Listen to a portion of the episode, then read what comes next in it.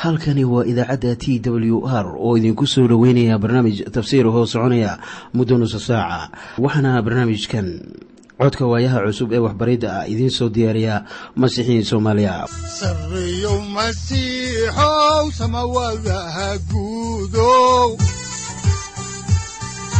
Siraadkii adduunkow subanaha eebow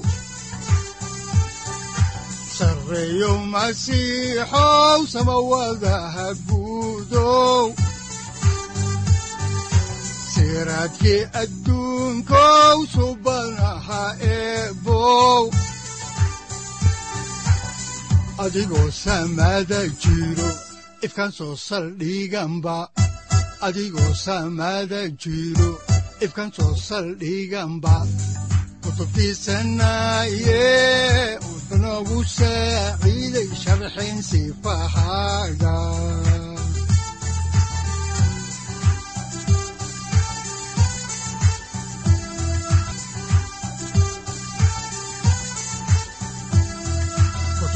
kutubtiisinayo ebnagu saaciid sharxin sifahaaga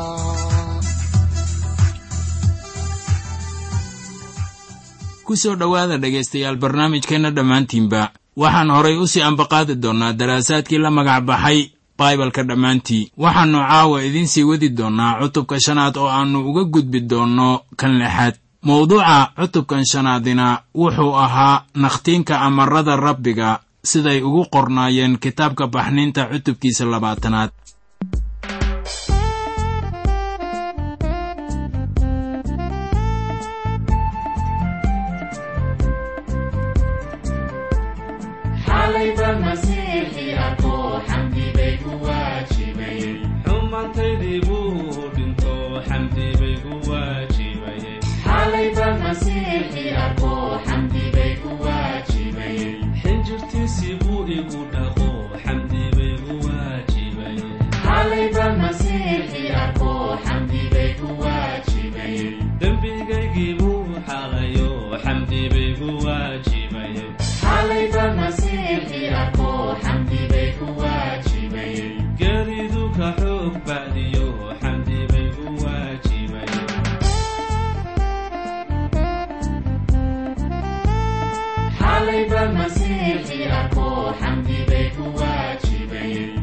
machuca sua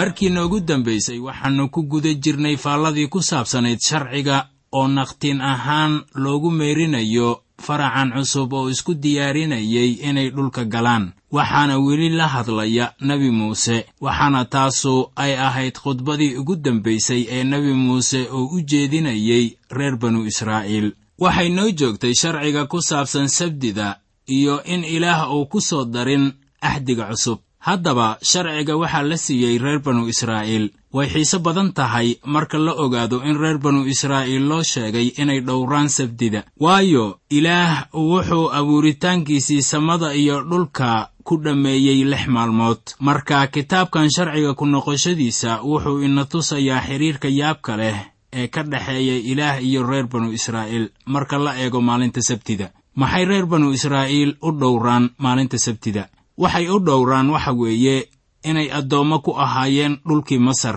iyo in ilaah awooddiisa uu kaga soo saaray ama kaga soo samata bixiyey addoonsigii dalkaasi masar. Amaradu waxay quseeyeen waajibaadka ilaah. Iminkana waxaynu nimid qaybta ku saabsan waajibaadka qofka ka saaran dadkiisa kale. Haddaan horay xigashada markii ugu horraysay caawa idin bilowno ayaannu eegaynaa kitaabka shanaad ee muuse oo loo yaqaanno sharciga ku noqoshadiisa cutubka shanaad aayadda lix iyo tobanaad waxaana qoran sida tan. Aabbaha iyo hooyada u maamuus sidii rabbiga ilaahaaga ahu uu kugu amray in cimrigaagu dheeraado oo aad ku nabdoonaatid dalka rabbiga ilaahaga ahu ku siiyo. Waxaan rumaysanahay in waajibaadkanu uu ku xidhiirsan yahay dhanka ilaah iyo dadka. Aabbaha iyo hooyada ayaa ubadkooda u noqonaya sida ilaah marka ay korayaan. Kuwa yaryarka ah ee soo koraya waxay hoos joogaan waalidkood waana marka hore inay ciseeyaan waalidkood waana taas tan la doonayo. Waxaa ku qoran kitaabka mahmaahyada cutubka koowaad aayadda siddeedaad sida tan wiilkaygiyow edbinta aabbaha maqal oo amarka hooyadana ha ka tegin aabbaha iyo hooyada waxay dhallaankooda u noqonayaan ama u taagan yihiin sida ilaah. Iminka marka dadkan ay ku sii jeedaan dhulkii la ballanqaaday waxay ahayd inay darajeeyaan aabbahood iyo hooyadood. Saaxib qaranka aan dhowrin amaradan barako heli maayaan. Amaradii ilaah oo lagu xadgudbayo ayaa dhibaato ku haysa dunideenna maanta. Inkastoo aan si weyn u garanayo in xitaa waalidiintu ayan dhowraynin ama ka soo baxaynin kaalintooda. Ilaah waalidiinta farriin buu u hayaa wuxuuna ku leeyahay sida ku qoran. Warqaddii rasuul bawlos uu u qoray dadka efesos cutubka lixaad aayadda afaraad ee baalka saddex boqol saddex iyo afartan ee ahdiga cusub. Waxaana qoran sida tan. Aabbayaashow carruurtiinna ha ka caraysiinina laakiinse waxaad ku korisaan edbinta iyo waanada rabbiga haddaba amarkan axdiga cusub iyo kii axdigii horeba way wada socdaan oo iskhilaafi maayaan. Haddaan horay idinku sii ambaqaado xigashada cutubkan shanaad ee kitaabka sharciga ku noqoshadiisa ayaannu eegaynaa aayadda toddoba iyo tobanaad. Waxaana amarku uu leeyahay waa inaanad qurgoyn.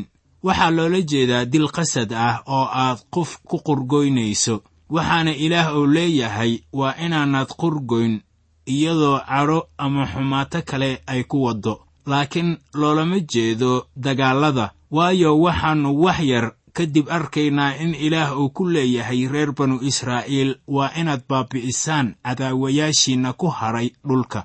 Markaana amarkan lukuma lahan ama ma saameeyo ciidamada waddanka. Marka la siiyo amarka ah inay dagaal galaan. Haddaba dad waxaa jira si kale u fasirta oo yidhaahda ma ahan inaad ruux aadami ah disho. Haddii aad amar haysato iyo haddii kaleba laakiin haddii waddanka cadow uu soo weeraro adiguna aad tahay nin ciidan ah. Waa inaad dalka difaacdaa. Sababtaas aawadeed amarkan ma quseeyo ciidamada dawladaha ee ku shaqaynaya amarada madaxdooda. Xaalkan dib baannu kaga faalloon doonnaa. Markaan soo gaarno waajibaadka inaga saaran dowladaheenna markaana amarka sagaalaad ma ahan mid quseeya ciidamada nabadgelyada ama kuwa milatariga ah.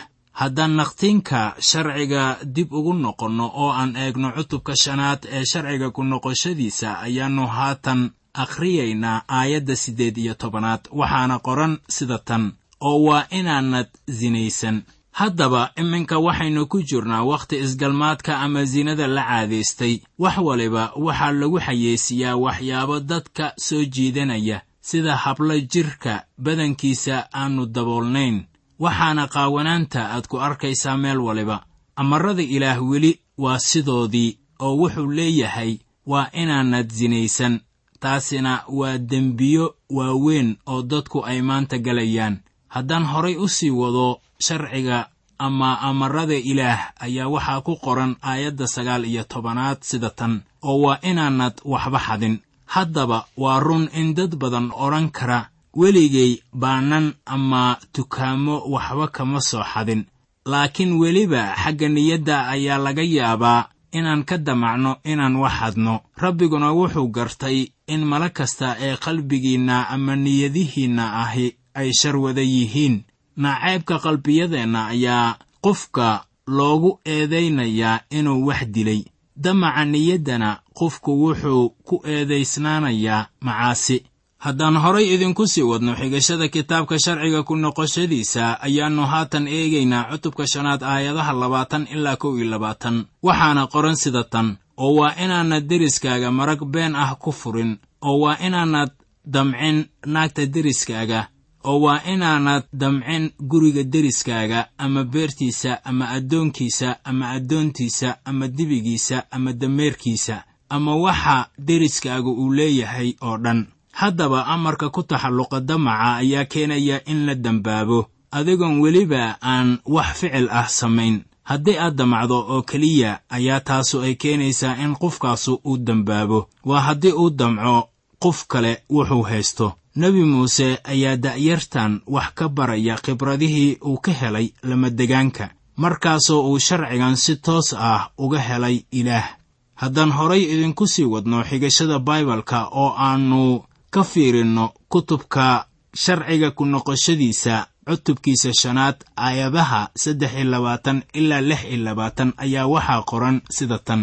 Markaad codka ka dhex maqasheen gudcurka iyadoo buurta dabu uu ka qaxmayo ayaad ii soo dhowaateen idinkoo ah madaxdii qabiilooyinkiinna iyo duqowdiinnii oo dhanba oo waxaad tidhaahdeen bal eega rabbiga ilaaheenna ahu wuxuu ina tusay ammaantiisa iyo weynaantiisa. Codkiisiina waynu ka maqalnay dabka dhexdiisa oo maanta waxaan ogaannay in rabbigu dadka la hadlo oo uu isagu nool yahay. Haddaba bal maxaynu leennahay inaynu dhimanno. Waayo dabkan weyn baa ina baabi'inaya oo haddaynu sii maqalno codka rabbiga ilaaheenna ah waynu dhimanaynaa. Waayo bini'aadmiga oo dhan bal yaa weligiis codka ilaaha nool oo dabka dhexdiisa ka hadlaya maqlay. Sidaan u maqalnay oo kale oo sii noolaaday.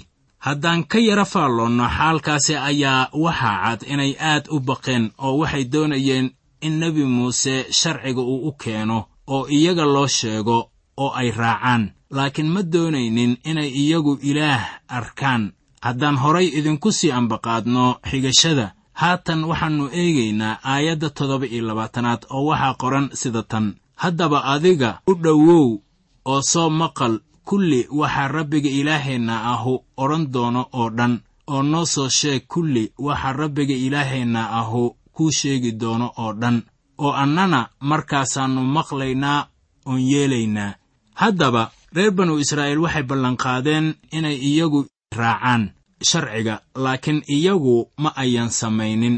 Dhegayso waxa ilaah uu ka leeyahay qalbiyada reer banu israa'iil.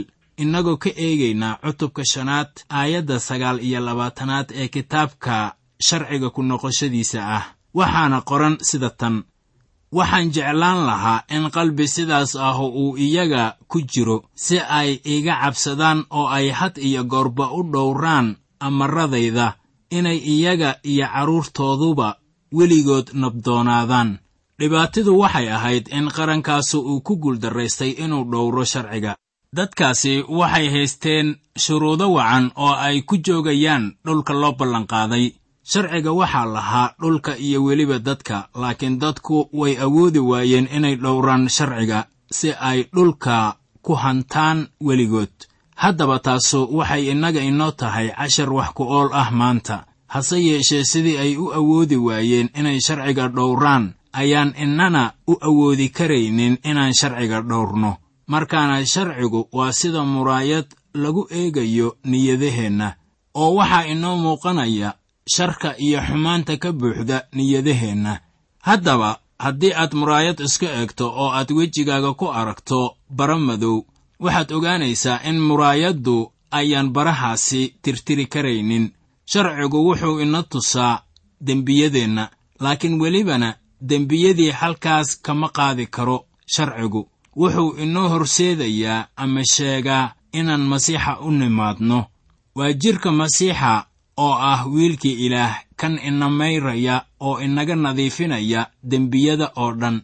Waxa muhiimka ah ma ahan in tobanka amaradood aynu aqbalsannahay ama aynu aqbalsaneen tan ahmiyadda leh waxa weeye saaxib miyaad sharciyadaasi dhowrtay weliga? Haddii aad tahay nin daacad ah waxaad ogaanaysaa inaadan halkaasi gaadhsiisnayn waxaa taas loola jeedaa inaad u baahan tahay badbaadiye waxaa rabbigu uu inoogu sheegayaa kitaabkii ishaaciyah cutubka koowaad aayadda siddeed iyo tobanaad ee baalka siddeed boqol siddeetan iyo lix ee ahdigii hore sida tan.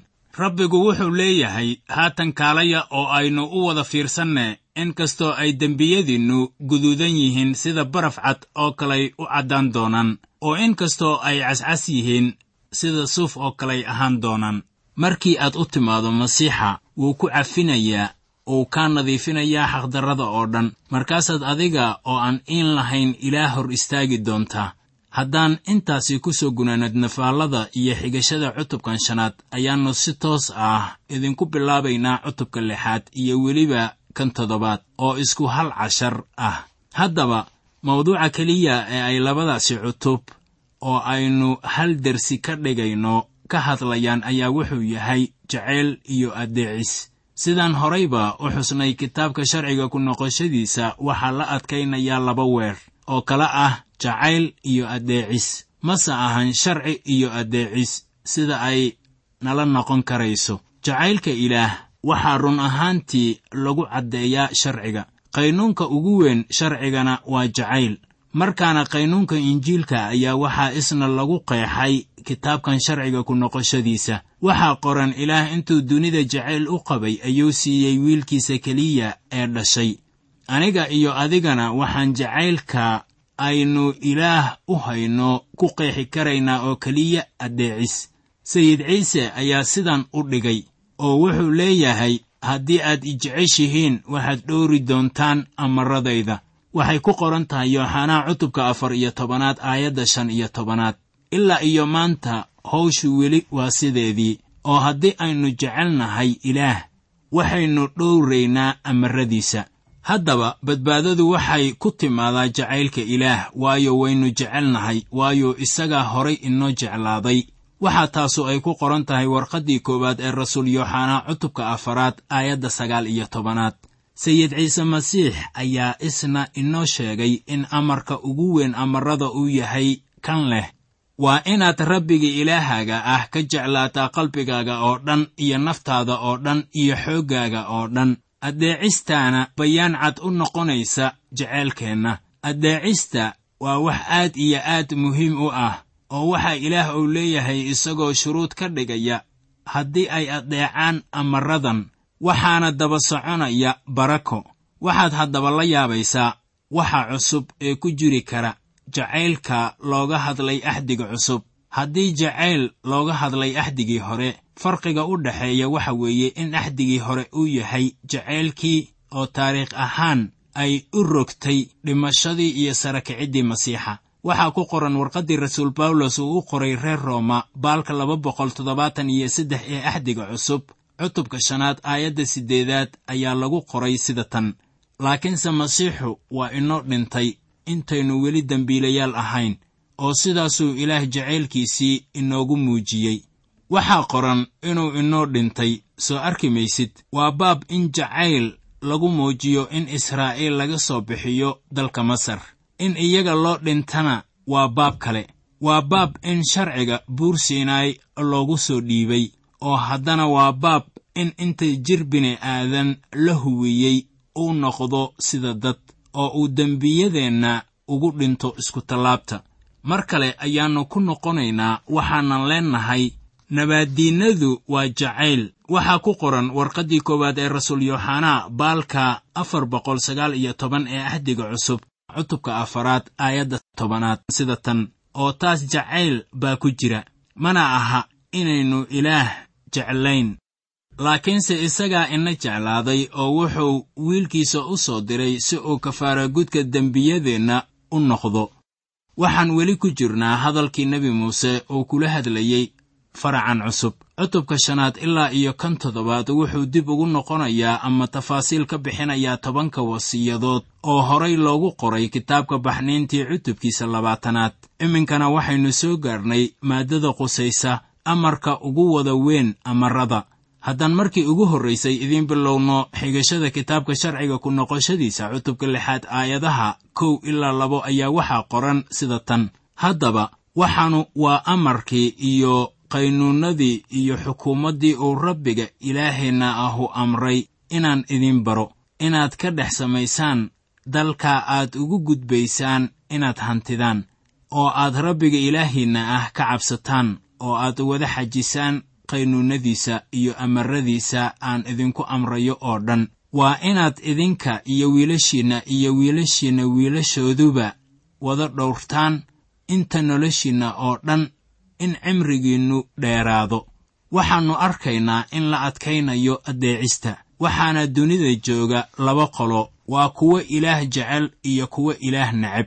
Waxaana lagu kala garanayaa addeecistooda iyo addeecisdarradooda tan ugu ahmiyadda ballaaran ee jannada aynu ka helayno ayaa waxay tahay inaan halkaasi ku arkayno sayid ciise masiix oo aan si buuxda u garan doonno inuu ijecel yahay oo uu naftiisa u bixiyey daraadday. Laakiin tan kale ee ugu wanaagsan ee jannadu ay leedahay waxay noqonaysaa inaan qof waliba ee aan halkaasi ku arko aan jeclaanayo oo qof walibana uu u jecel yahay aniga qudhayda.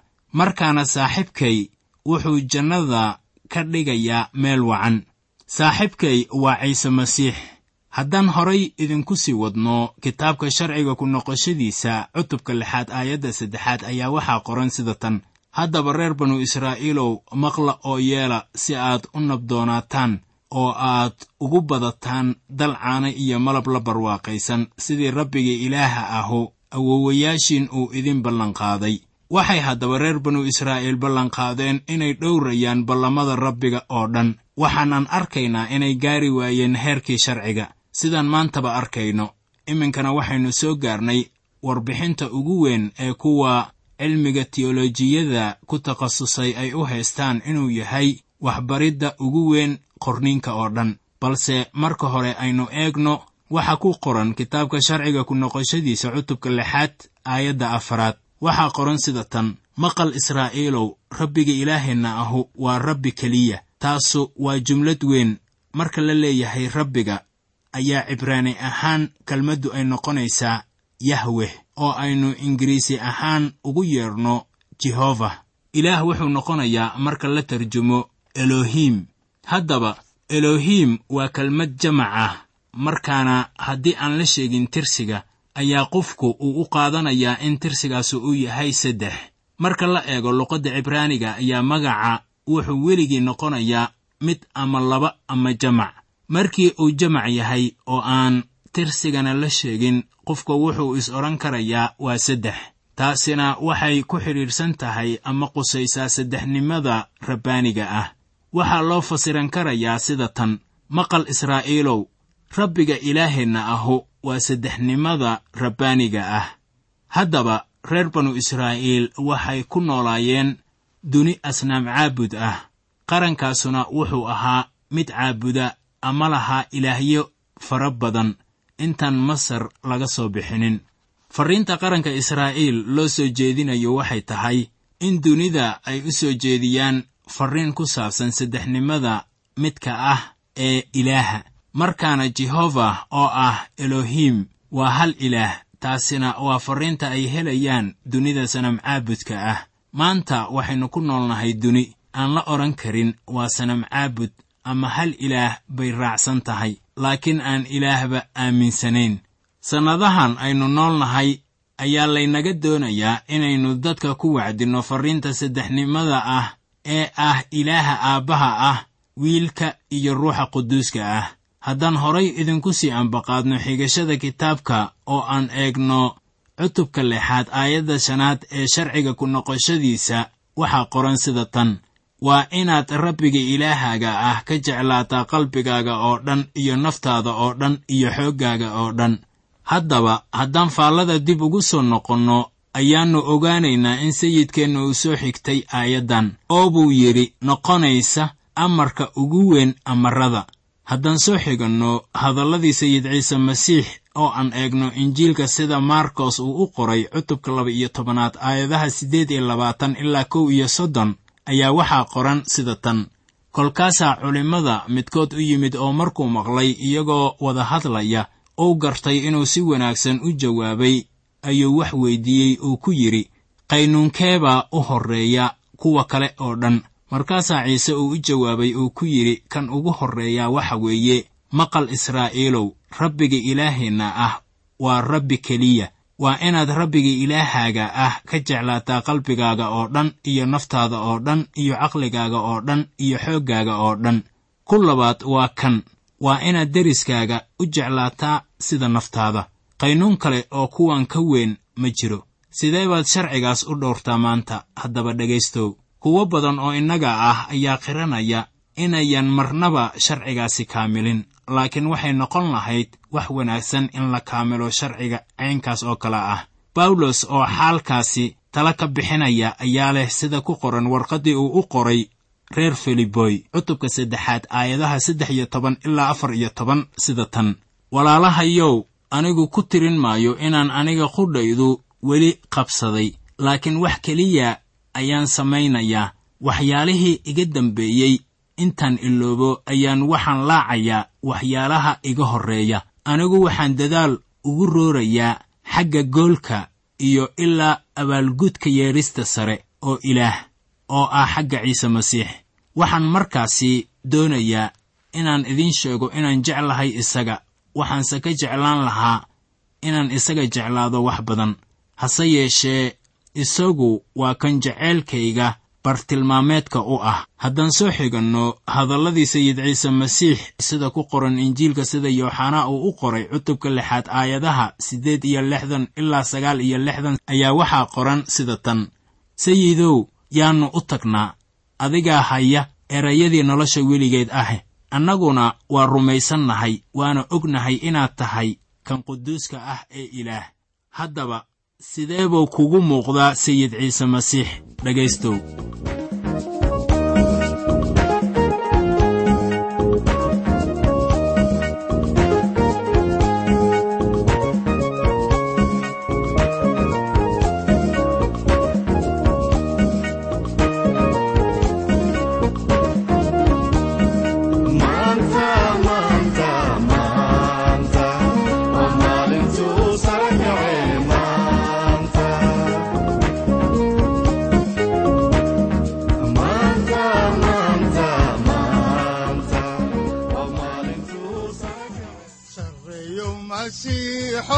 samawadaha guudow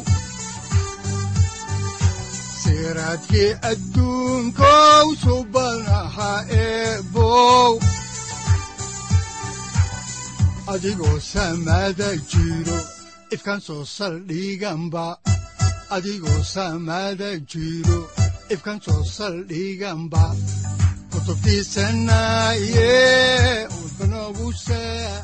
halkani waa t w r idaacadda t w r oo idinku leh ilaa ha idin barakeeyo oo ha idinku anfaco wixii aad caawi ka maqasheen barnaamijka.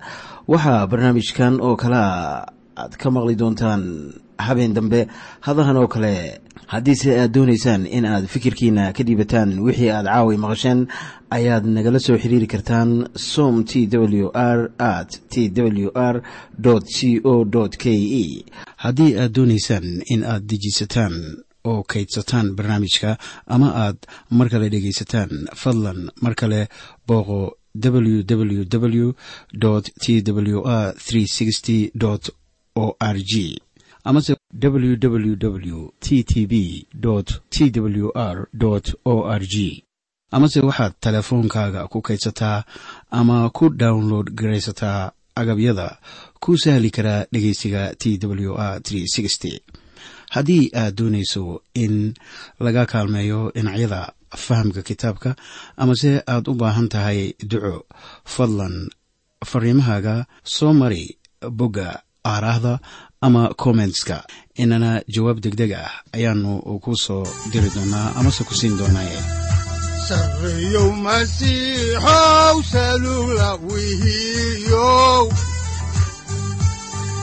saacadda timid dhulka sabada ku dhalatiyo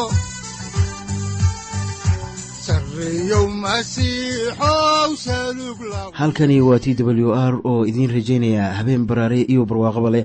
Inta aynu ka gaari doono wakhti aynu ku kulanno barnaamij la mida kan caawayay aad maqasheen. Waxa aan idinku leeyahay nabadda ciise masiix ha idinku badato xagga jidhka iyo ruuxaba. Aamiin